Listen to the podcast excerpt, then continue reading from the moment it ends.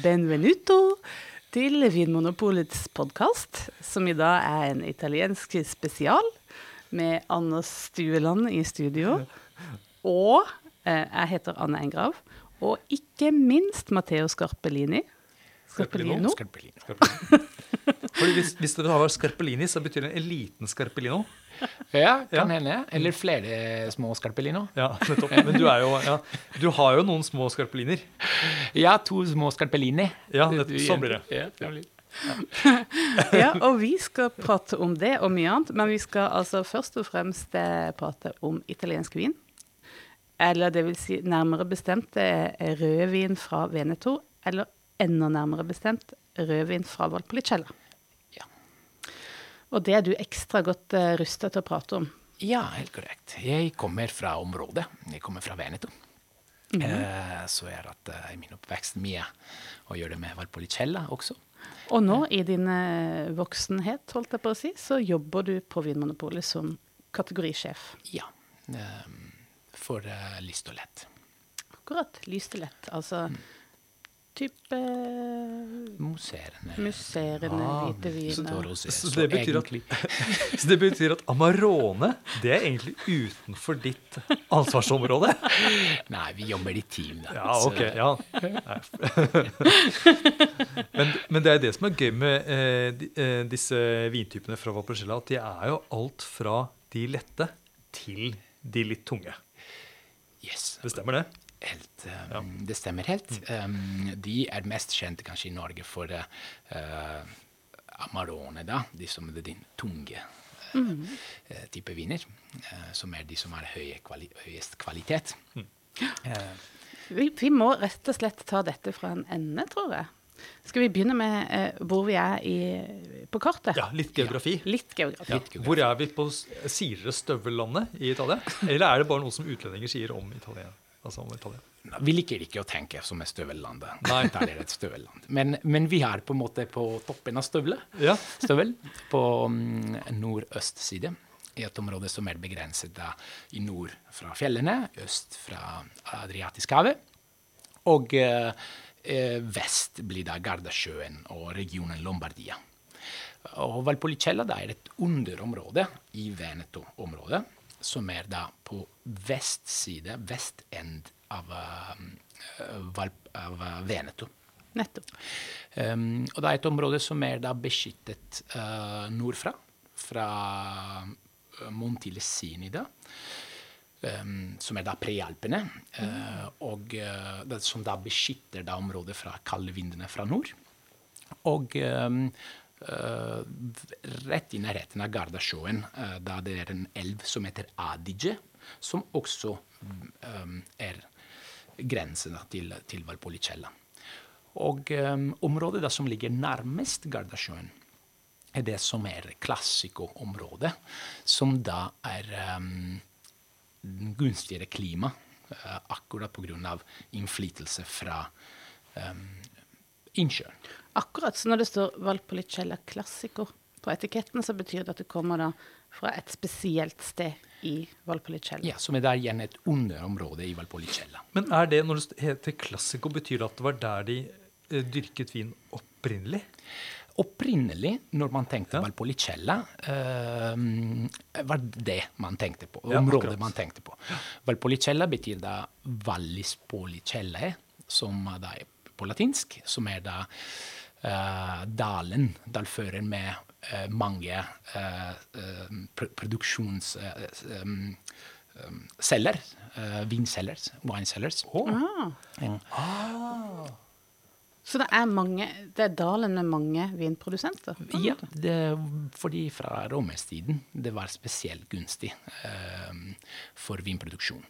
Og etterpå, da Vi, vi hadde allerede i middelalder, rundt 500-tallet, eh, refer, referanser til eh, eh, Acinatico, og som var eh, Oretico også, som er da en vin som ligner på det som akkurat nå er eh, Recioto della Valpolicella. Fordi toppvinene da, derfra, de som var kjent fra Valpolicella-området, var opprinnelig da de søte varianter. Recciato. Recciotto. Og det, er- det heter da recciotto di Valpolicella. Res, eh, Korrekt. Og recciotto, egentlig eh, Riccia på lokaldialekt betyr da ører. Fordi da de var de ytre eh, druene i drueklassen som hadde høyere sukkerinnhold, og da var de som var best egnet til produksjon av søte viner. Jeg, jeg tror nesten du må da forklare hvordan en Recioto lages, seg da. Um, Ja, for nå har vi allerede begynt på en av disse her vinstilene som vi skal gjennom i løpet av denne podkasten. Da begynner vi på toppen av enden, da. Ja. Eh, så da de um, viner med høyest kvalitet. Og da har vi da Amarone og um, Recioto. Og da snakker vi om um, Passito-viner. Da er viner laget med tørkede druer. Um, da, Kun tørkede, druer. Det er ikke lov å blande inn eh, ferske druer. Alt, alt må være innskrumpa druer. yes, eh, korrekt. De her da um, um, plukker man druene, vanlig. Uh, og legger man i dem i stråmatter, som nå ofte er også plast, uh, laget av plast. Og Og de druene som de, du plukker da, er de liksom de er fullmodne, men de er ikke begynt å tørke allerede, eller? nei, de legger dem um, så at det, det er mulig å få en tørkeprosess uh, med uh, nok luft. Um, og den varer fra vanligvis eh, tre til fire måneder, opptil 120 dager, og er ikke lov til å presse druene før 1. desember.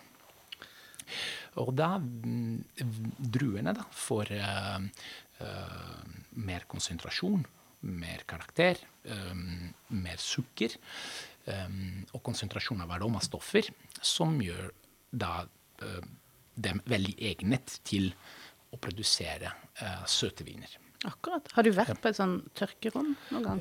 Um, ja, det er eh, veldig spennende, veldig interessant. Tradisjonelt da, de var veldig de var åpne, og, mm, og da ehm, kunne luft eh, komme inn.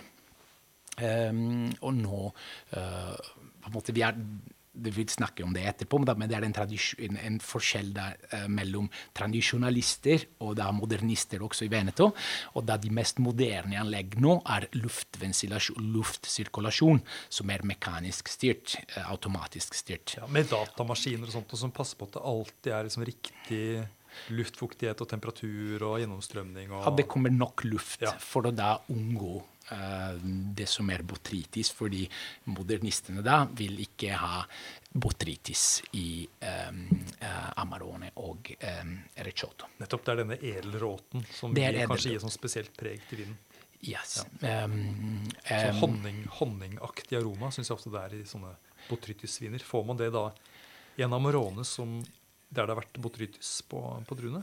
Det vil jeg ikke si. Det er mer, um, man kan få det i ricciotto di Soave, kanskje. Um, men um, i de røde varianter som ricciotto della Valpolicella får man uh, he- helst aromaer uh, som kan være tørkedruer, rosiner, um, uh, syltede kirsebær. Uh, profil. Ja. Og kanskje litt sånn kirsebærkjerne da, den der eh, kan bidra med. ja. Det som botrytis gjør, da, er at man um, reagerer da med polyfenoler, og gjør at da uh, vinen mister litt uh, farge, og uh, også tanniner blir litt mykere. Um, og det produserer også en, litt mer glyserin, som da em, endrer da munnfølelse i, i vinen. Um, I tillegg, tradisjonalistene um, uh, lagrer vinen i store botti, uh, så man vil ikke ha uh, fatpreg i Amaronen. Eh, og ofte da um, også alkoholstyrke blir da i vinene rundt 14-15, også 16 eh, pluss alkohol. Men tilbake litt til den derre vi, vi begynte jo på eh, Recciotto. Og grunnen til at du hopper litt mellom Recciotto og Amarone, er kanskje det at produksjonsmetoden er ganske lik? Ja, det er faktisk lik. Um, uh, til en viss punkt. Um, rundt uh, 50-tallet Uh, historien sier da at uh, en av de eierne av de største vinhusene i området em, satt med en fat av ricciotto, som da plutselig gjorde helt ut. Og da prøvde jeg å smake vinen, og faktisk hadde det blitt noe veldig bra. Som det hadde blitt i en Amarone. Altså, så, så planen var egentlig å lage en søt vin som vanlig, men så ble det en tørr vin istedenfor. Det ble en tørr vin i stedet for. Så den, eh, det var i begynnelsen av 50-tallet som Amarone, som vi kjenner det i dag, eh, begynte å, å produseres. Men var det da den første Amaronen i Venetos historie, eller var det, eller var det en, at, at de gjenoppdaget en gammel måte å lage vin på? Um, det er vi ikke noe sikre referanse på, men i den moderne historien, det Amarone som vi kjenner den i dag, er det um, på en måte det, som vi vet. Uh, um, så Så det er et nymotens fenomen? ja, Kom liksom samtidig med rocken. kanskje. Ja, Vet ikke hvis det er en relasjon blant de. Det er litt gøy å tenke på. Ja, det er faktisk gøy. Så mm, Men så spredde det seg. da, på en måte da gikk, eh, fordi hva, hva tenkte disse andre produsentene da, når det var én produsent som uh, gjæra denne resciotoen helt tørr? Ble, ble, Blir de forbanna? ble de andre forbanna, eller ble de eh, nysgjerrige? Eller begynt, hvordan ble det til at alle andre begynte å lage det samme? Eller, eller tok det lang tid fra 1950 da til det liksom, tok av? Ja, er, mm, hvis man ser på tallene, det er en litt sånn produksjon av um, uh, ripasso, av uh, Amarone. Man ser at uh, tallene har økt veldig mye. Så nå er vi på over 10 millioner, uh, liksom rundt 12 millioner uh, flasker Amarone som er uh, solgt. Uh, mens i starten var ingenting. Så, så tidligvis har det vært noe som har vært ganske suksess- suksessrik. Um, Så det eksploderte, det. det eksploderte. Det, Det eksploderte. Men- Men ricciotto, da? Det må jo bare ha litt Ricciotto er nå noen som er en uh, nisje. Nå 90% over 90% av passitovinene som produseres, er uh, eh, Amarone. Um, Ja, så fra å være på en måte det, den vanlige vinen laget av de tørka druer, så har nå Resioto blitt en, sånn- en liten spesialitet. ja, en, des en dessertvin. Ja. Um, mens hvis vi skal, vi skal avslutte det med modernister versus tradisjonalister, som vi snakket om um, um, når det gjelder Amarone, det vi gjør det at uh, noen produsenter likte å unngå mest mulig oksidasjon, og da vil ikke ha botrytis i uh, Amarone.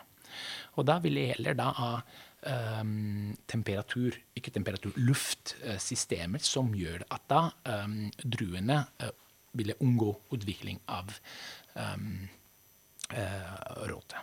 Uh, edderråte. Um, og eh, da får man frem mer friks, friskhet i vinene og fruktighet. Um, I tillegg man også, bruker man også mindre fat, kanskje, av noen av uh, fransk opprinnelse.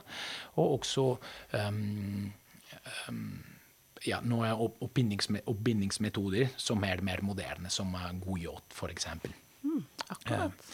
Um, og da blir vinene på en måte friskere og fruktigere. Så disse eh, modernistene eh, De begynte å ut, eh, Når var det dette begynte, den vinstilen dukka opp? Vi, vi, vi kan sikkert si at det er fra 60-tallet og uh, etter 60-tallet. da. Akkurat. Så Og da, fremdeles er det to eh, skoler i Amarone, eller begynner de å nærme seg litt med hverandre nå? Fremdeles vil jeg si at fremdeles det er eh, representanter av de to skolene, og eksempler av vinner som er på toppnivå på begge, um, begge skolene. Ja, så da er på en måte, du har den litt, sånn, litt mer brunlige fargen i de, eh, liksom, de tradisjonelle. Eh, og så har det og ikke så mye sånn fersk fruktighet, på en måte. Det er mer mot sånn eh, tydelig sånn rosin-tørket frukt. Og så er det litt, sånn, litt ferskere fruktighet, litt friskere, men allikevel veldig, veldig kraftige viner i de mer moderne. Og med litt fatpreg. Det stemmer. Ja. Men alt baseres på eh, naturligvis de samme druer, og vi vil ha som eh, eh, druene som brukes i Valpolicella, da er det hovedsakelig fire druer. Vi er Corvina og Corvinone. og etterpå det er Rondinella. Og tradisjonelt sett var det også Molinara.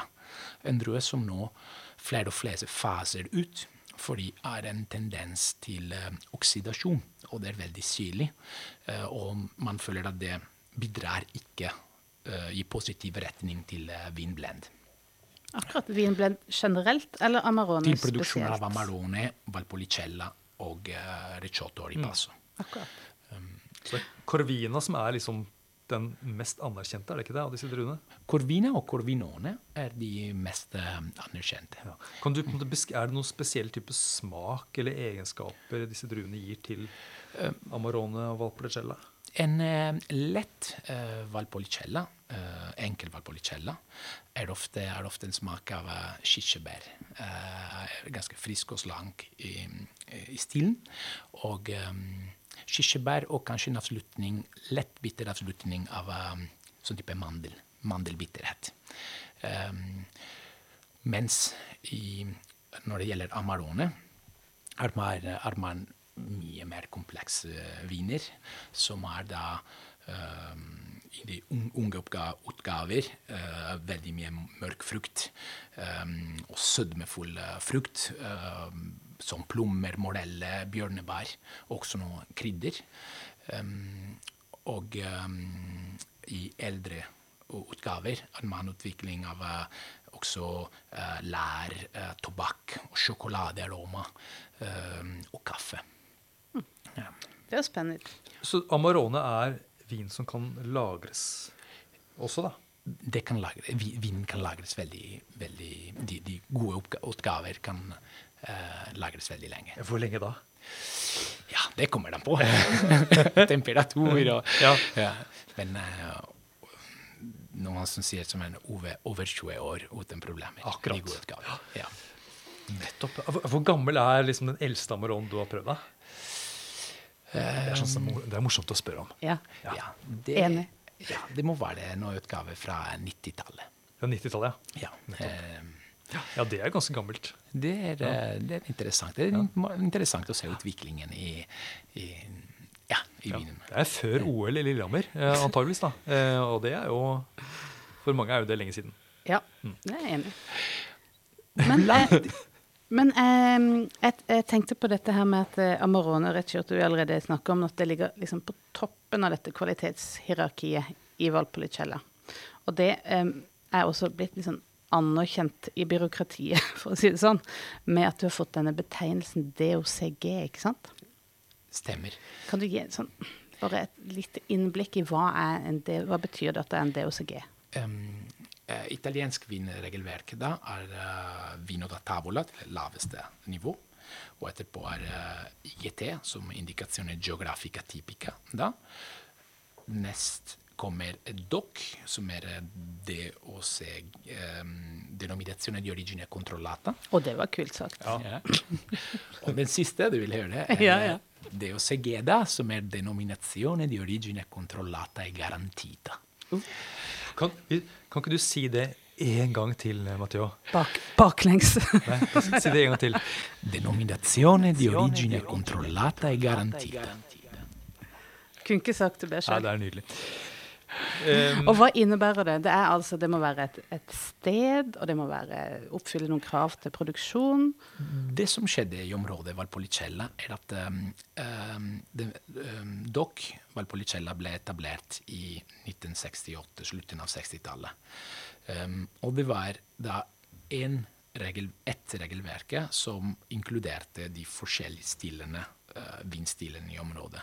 Det måtte naturligvis revideres uh, og komme ny oppdatert regelverket i 2009-2010, som da hadde skilt alle, eh, både Amarone og Recioto, eh, som DOCG.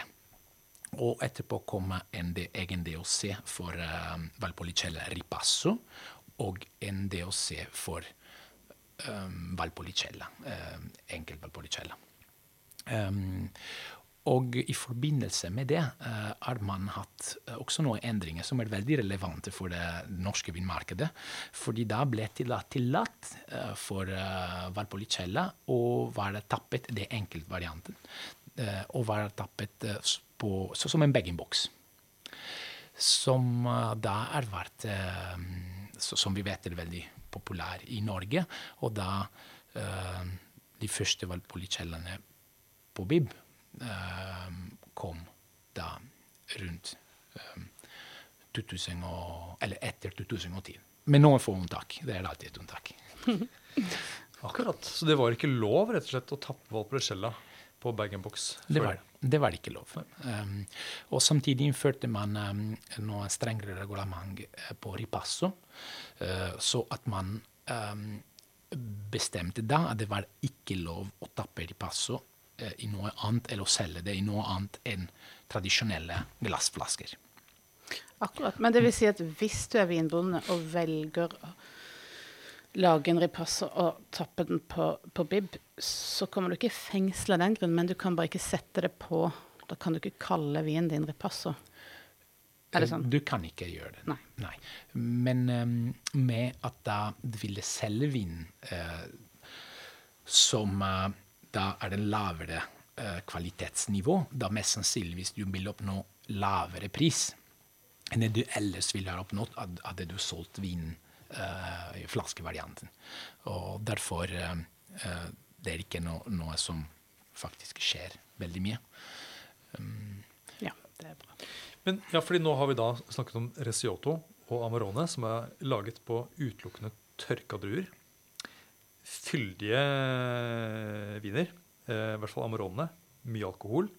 Intense. Og så du nå, snakker du nå om ripasso. Og det er jo det er i hvert fall en vin som mange kjenner til.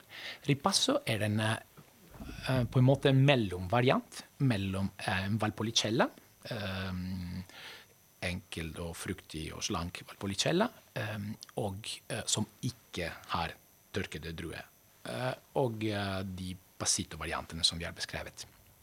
Eh, det gjøres ripasso hvor de på italiensk passerer på nytt, og da man Um, legger druerestene fra Amarone og Recioto-produksjon inni en enkel vapolicella, som da begynner å gjøre på nytt. Uh, og oppnår uh, mer kompleksitet, uh, mer konsentrasjon, en høyere alkoholstyrke Eh, enn til 2 prosent, um, og bli mer eh, holdbar. Mm, lagringsdyktig. Så altså, bare for å uh, si alt sammen en gang til Du har uh, allerede lagd Amarone på tørka druer, og så sitter du igjen med druerester etter den produksjonen. Og så har du allerede lagd ferdig en vin med vanlige røde druer. Plukka de masserert de og gjæra de. Og så legger du den ferdige vinen sammen med de druerestene og gjærer en gang til. Da har du en ripasso. Der man er ripasso. Mm. Og, og, det finnes noen regler for um, hvor mye ripasso man kan produsere. da. Fordi man kan ikke produsere mer enn to ganger det dobbelte av det man har produsert fra Amarone og uh, Ricciotto-produksjon samlet. Uh, og det er for å, for å, gi en garanti av visse kvalitetsforhold mellom tørkede drueandel og um, ferskvin. Og det er hovedreglene. Uh, hovedregel. Og etterpå det finnes noe unntak, fordi um, det finnes andre viner da, som ofte er klassifisert som uh, en Valpolicella, uh, bare, som da lages med variasjoner av uh, appassimento-teknikk. Um, uh, en variant kan være å um, lage en valpolicella av druer som har blitt tørket bare, tørket bare noen uker. Um, en annen variant kan være det å tilsette da, um, um, druene, da, uh, tørkede druer, inni valpolicella uten at de, uh, uten at de skulle presses før i forkant. Ah, så da har du ikke brukt druen til Amarone? Du har ikke brukt mm. dem. Uh, andre varianten kan være det å, til og med å ha en andel av um, Amarone litt Amarone i en enklere Valpolicella. Men da ville de være uh, Valpolicella, bare. Og, og da det ofte det kan være en utfordring for en konsument å, å skille hva er en enkelte Valpolicella, og hva er faktisk en Valpolicella som faktisk er en ripasso, uten å kunne um, se den på etiketten. Ja, for nå har du nå beskrevet egentlig fire ulike metoder, og det er bare den første metoden som er godkjent som en ripasso-vin. De tre andre som du nevnte, de eh, blir da merket som en vanlig Valpolicella. Eh, men når man da på en måte plukker denne flasken fra hyllen, så tror man kanskje at, du, at, at man får en veldig sånn lett og fruktig og frisk rødvin. Og så er det kanskje en vin som minner mer om ripasso, en litt mer fyldigere og kraftigere rødvin. Og det beste mm, det no, bare, ja, Hvordan skal man finne ut hva man har for noe? Eh, eh, det beste er kanskje å se alkoholstyrke. De, en enkel Valpolicella da er det ofte 12-12,5 mens de Valpolicellene som da er mer som um, er ripasso, er ofte 13,5 eller til og med 14 um, alkohol. Det er bra tips. Det er et veldig godt tips. Ja. Et innsidetips. Mm. Ja. ja. men da har vi jo Har du lyst til å si noe om måte, den enkleste, men også uh, kanskje den saftigste, saftigste, og friskeste typen også, Valpolicella? Um, kanskje jeg ville si en ting som er at det er vanskelig å finne. Det er blitt veldig vanskelig å finne etter hvert. At, uh, at um, amaronene og ripassene har blitt så populære fordi uh, det geografiske området uh, som definerer Valpolicella, er ca. 6000 hektar. Og da det kan ikke utvides. Um, og da når man har sett en så stor økning i salg um, av, og produksjon av Amarone og Ripasso, har man hatt ofte litt som en mindre tilgjengelighet på enkeltvalpolicella.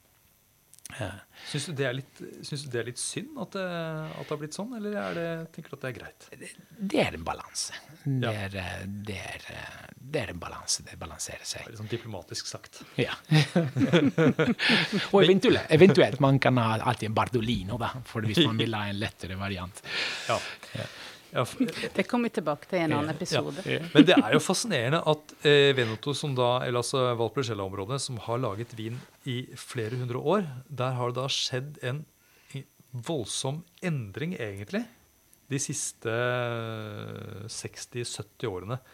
Fra å produsere da eh, søt, altså en dessertvin, men aller mest en ganske sånn frisk og saftig rødvin.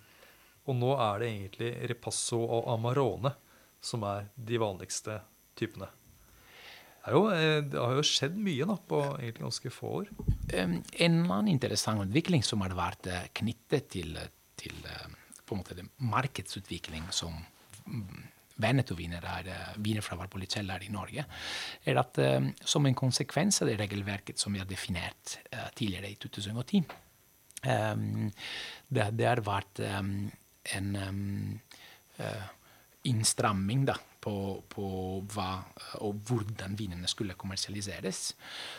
Og da um, Det var da som uh, det som vi kaller det som andre passimento-viner, som da uh, var produsert med en lignende teknikk, men da var klassifisert bare som IGT. da, som da er indikasjoner geografiske typiske, da lavere kvalitetsnivå. Kan, har, har, du noen eksempler på altså, områder som uh, laget mange slike viner? Det er faktisk samme område. Det er bare de, de uh, vi, druene da, uh, som ble brukt, var ikke de Valpol Valpolicella-druene, men man kunne bruke å tørke da Merlot-druene, Cabernet Sauvignon-druer, um, utenfor um, Valpolicella-området, da, som kunne um, kjøpes og produseres på en måte veldig, til veldig lavere markedspris.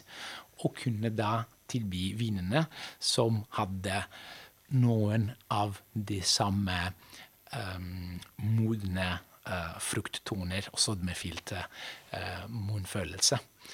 Og de ble, de ble, veldig populære i Norge. Uh, også da på, som bag-in-box. Men, men de kunne ikke kalles for ripasso. De kunne ikke kalles som Men de, hadde gjerne, eller de har gjerne navn som liksom ligner litt på ripasso. Det er det ofte jeg, hatt. det har jeg lagt merke til. nemlig. Det er det ofte hatt. Og jeg har også sett at det er ikke bare eh, i liksom områdene rundt Valpolicella-sonen, også lenger sør i Italia. Eh, Puglia, også Sicilia, så har de også laget den typen vin, altså hvor de delvis tørker druene, og så lager en sånn vinstil som du beskriver, det er litt sånn sødmefulle, og så gir den dem et navn som ligner på ripasso. Er, er, jeg tenker, når du er da en produsent i Valpolicella og lager ekte ripasso, blir du litt sur da, tror du? Um, det har vært um, både og. Fordi noen vinhus som har vært de, de som har produsert da appassimento, det som i en periode ble definert som appassimento-viner eh, fra Veneto, de er også man sier, tjent tenke på det. De er, de er solgt, uh, vinene. Um, men um, selvfølgelig, de vil ikke at uh, andre skulle gjøre det. Så det er alltid en, uh, på en måte en selvmotsigelse. Da. Men nå er det blitt litt regulert. Ytterligere regulert, så det har kommet en innstramming. Og da, hvis man skal kalle det en vin appassimento, da må være i hvert fall uh, tappet og produsert i området. Det er noen ekstra begrensninger da. Så, uh, regelverket kommer alltid litt i etterpå. ja. Ja, for det, jeg tenker det kan jo være en fjær i hatten også. Det er jo liksom et kompliment, på en måte. Hvis man ikke mister liksom markedsandeler, selvfølgelig. Mm. For Veneto virker jo på meg, litt som, som du, du forklarer det nå, som en litt sånn ah, endringsvillig, dynamisk Alle disse liksom positive orda som klarer å snu seg rundt og, og skape um, publikumssuksess etter uh, publikumssuksess. Mye er blitt drevet av um, um, individer, familier, um, som um, er uh, bare tenkt, hatt en idé, og begynte å sette i gang. Um, og det er også en dynamikk i Veneto mellom de som er de nå noe uh, private familier, da, annet de Amarone-familiene, og uh, kooperativene. Um, som, og det dynamikken, dynamikken der skaper mye um, spenning, og den gir også mulighet til utvikling. Spenning, da tenker du rett og slett litt sånn krangling? Litt sånn god, gammeldags italiensk krangling? Det, det kan eh, hende. Men eh, og, og Ja, for det har vært, det har vært en rettssak til og med. flere. Det har vært flere rettssaker. Ja. Ja, Du nevnte den der Amarone-familien, som det er en sånn sammenslutning av flere eh, produsenter i eh, Valpolicella. Som det er som stolte av at de på en måte har vært bærere av denne Amarone-tradisjonen. Eh, og så er det da kooperativene, som også lager Amarone. De har vært litt sure på Amarone-familien fordi de kaller seg Amarone-familie. Fordi det er ikke bare de som lager Amarone. Og da var det noen rettssaker. Men vi, ja, jeg prøvde å finne ut om det, hva som skjedde i den rettssaken, men det jeg, Vi, vi, Jeg fant vet ikke ikke detaljene, men, men det som er interessant, eh, tror jeg, er akkurat den spenning mellom kooperativene da, som har mange, eller stor, store villmarkarealer og produserer mye vin, um, og de eh, private eh, aktører. Da. Uh, men etter hvert tror jeg at alle ser at det er en fordel hvis man samarbeider. Eh, og det, eh, Veneto eh, som vinområde er, har vært veldig suksessrik i, i mange land, inkludert i Norge nå. er det fremdeles cirka blant italienske viner, som har noenlunde 37% av marked, da 34% av rå, rødviner, eh, da snakker jeg om røde viner, er fremdeles eh, viner fra Veneto. Oi. Ja, det er mye. Ja. Så. Men sånn ellers i Veneto, er det like suksessrikt da? Er, det, er dette en sånn derre racerregion som eh, får ting til, eller? Vinmessig vil jeg si at Valpolicella er nok um, det beste og mest suksessrike uh, vinområdet i uh, Veneto. Um, men uh, når det gjelder andre um, nærings, næring um, næringer. Det har vært eh, det er ganske, en ganske dynamisk område. Det var veldig fattig, uh, men etter hvert har det utviklet uh, mye, ind- industri og eh, landbruket også. Og det gjenspeiler seg kanskje da. Hopper jeg rett over til mitt favorittemne. Mat. Ja, men før du gjør det, okay. jeg, så, så, Altså, greit. så har jeg, jeg For det var nemlig noe jeg lurte på. og det er, For du nevnte da eh, modernister og tradisjonalister når det gjelder Amarone. Og Amarone er jo en dyr vin. For når du skal tørke druene, så får du ikke så mye saft ut av druene. Og da blir det dyrt. Men allikevel så ser jeg at eh, Amarone sånn prismessig starter på 200 kroner, og så går det jo opp til flere tusen kroner. Er det er det noe kvalitetsforskjell? Hvordan er det på en måte, Eller er de like bra alle sammen? Er det, er det noe på en måte du kan si, Hva, kan du, hva skal du forvente av en, en dyrere Amarone f.eks.? Er det noe forskjell? Selvfølgelig det er. Og der, det her er det samme en kontekst. Vi må se det i en kontekst. Um, som er det vi snakket om tidligere, som var også kooperative, store produsenter og toppkvalitetsprodusenter. Det kan man ha litt som i flere uh, områder i, i, i Italia og, og uh, verden, kan man si. Men uh, det er spesielt relevant i Veneto. Så det har vært sånn at av og til noen store kooperativer kan ha hatt tilgjengelighet, eller mye vin. Og da er det gjort at da vinen ble kommersialisert, også de beste viner til lavere pris. Um, og eh, man har noen produsenter da som er mye mindre vinmarkareal, som jobber mye mer nøye og på en måte helt annet nivå og, og produksjonsstørrelse, som da um, klarer å produsere viner som er noe helt annet. Um, Ja, Og dette noe helt annet.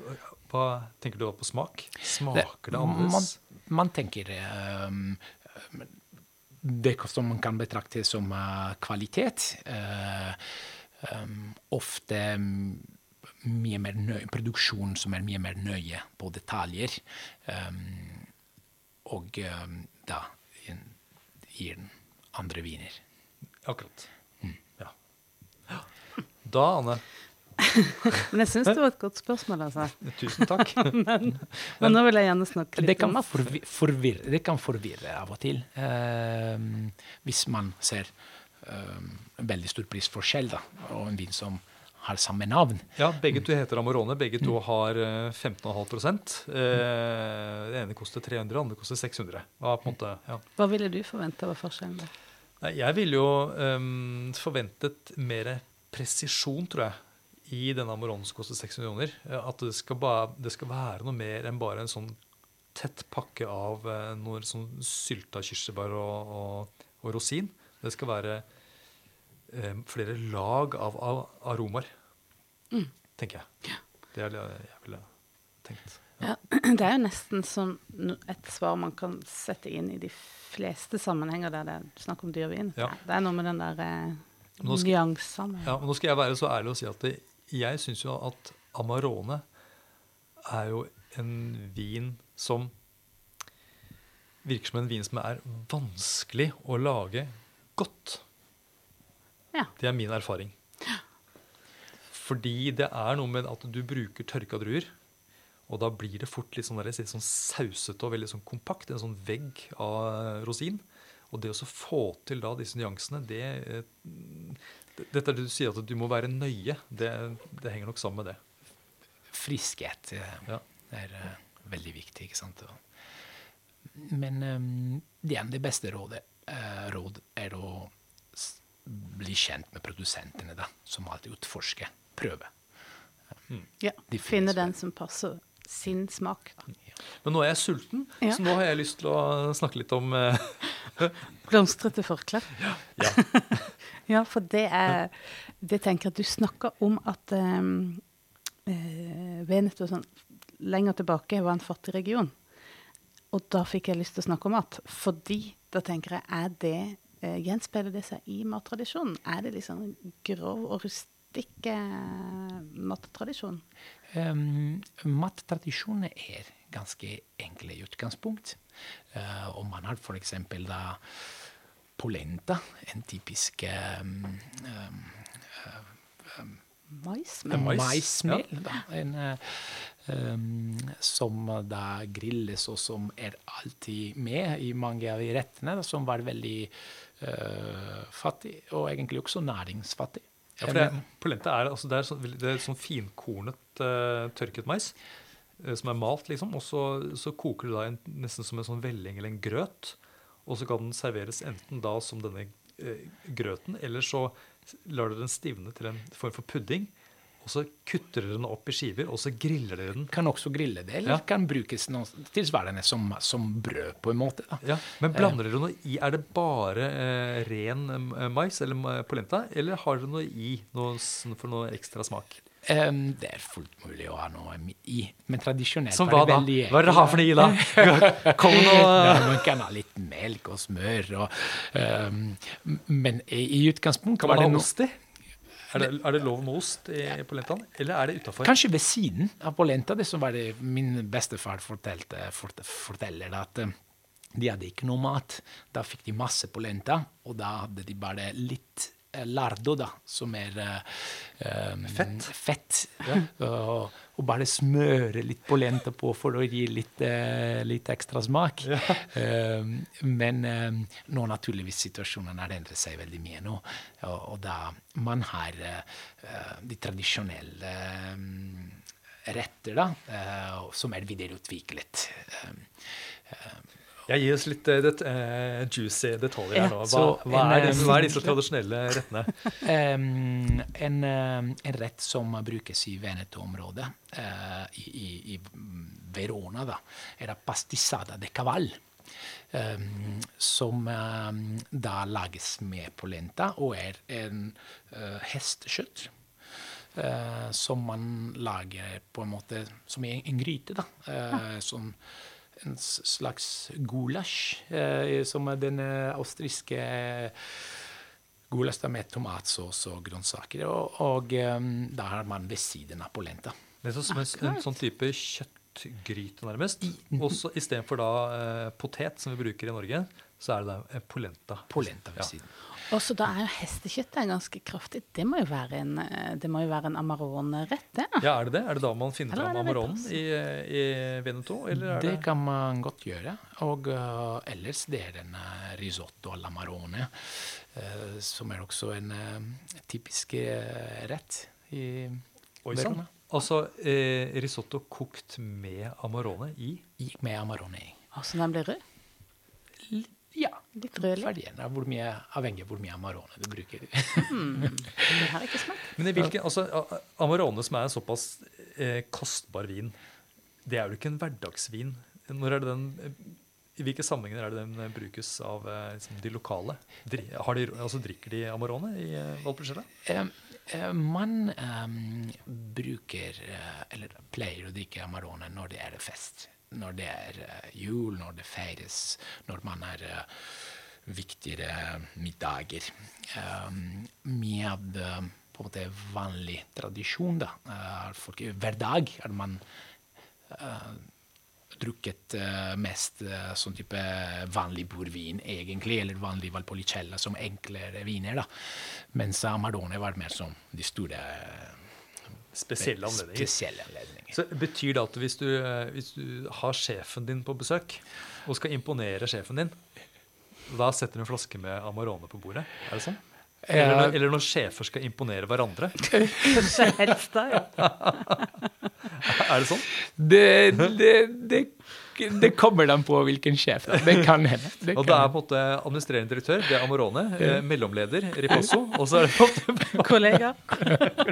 Så du, er det sånn at hvis du er gjest da i et i, jeg kommer hjem til noen i eh, Veneto, eller i Valpolicella-området, og så eh, har de, har de satt Amarone på bordet, da skjønner du at eh, ja, da liker de deg godt. Ja, det som er problemet da, er at du kan ikke kjøre det etterpå. da. Hvis du, og da, da blir det litt vanskelig, ikke sant? Fordi da blir du Du blir nødt til å overlate? Ja, du blir nødt til å overlate. Å ja, så det kan brukes i mange sammenhenger.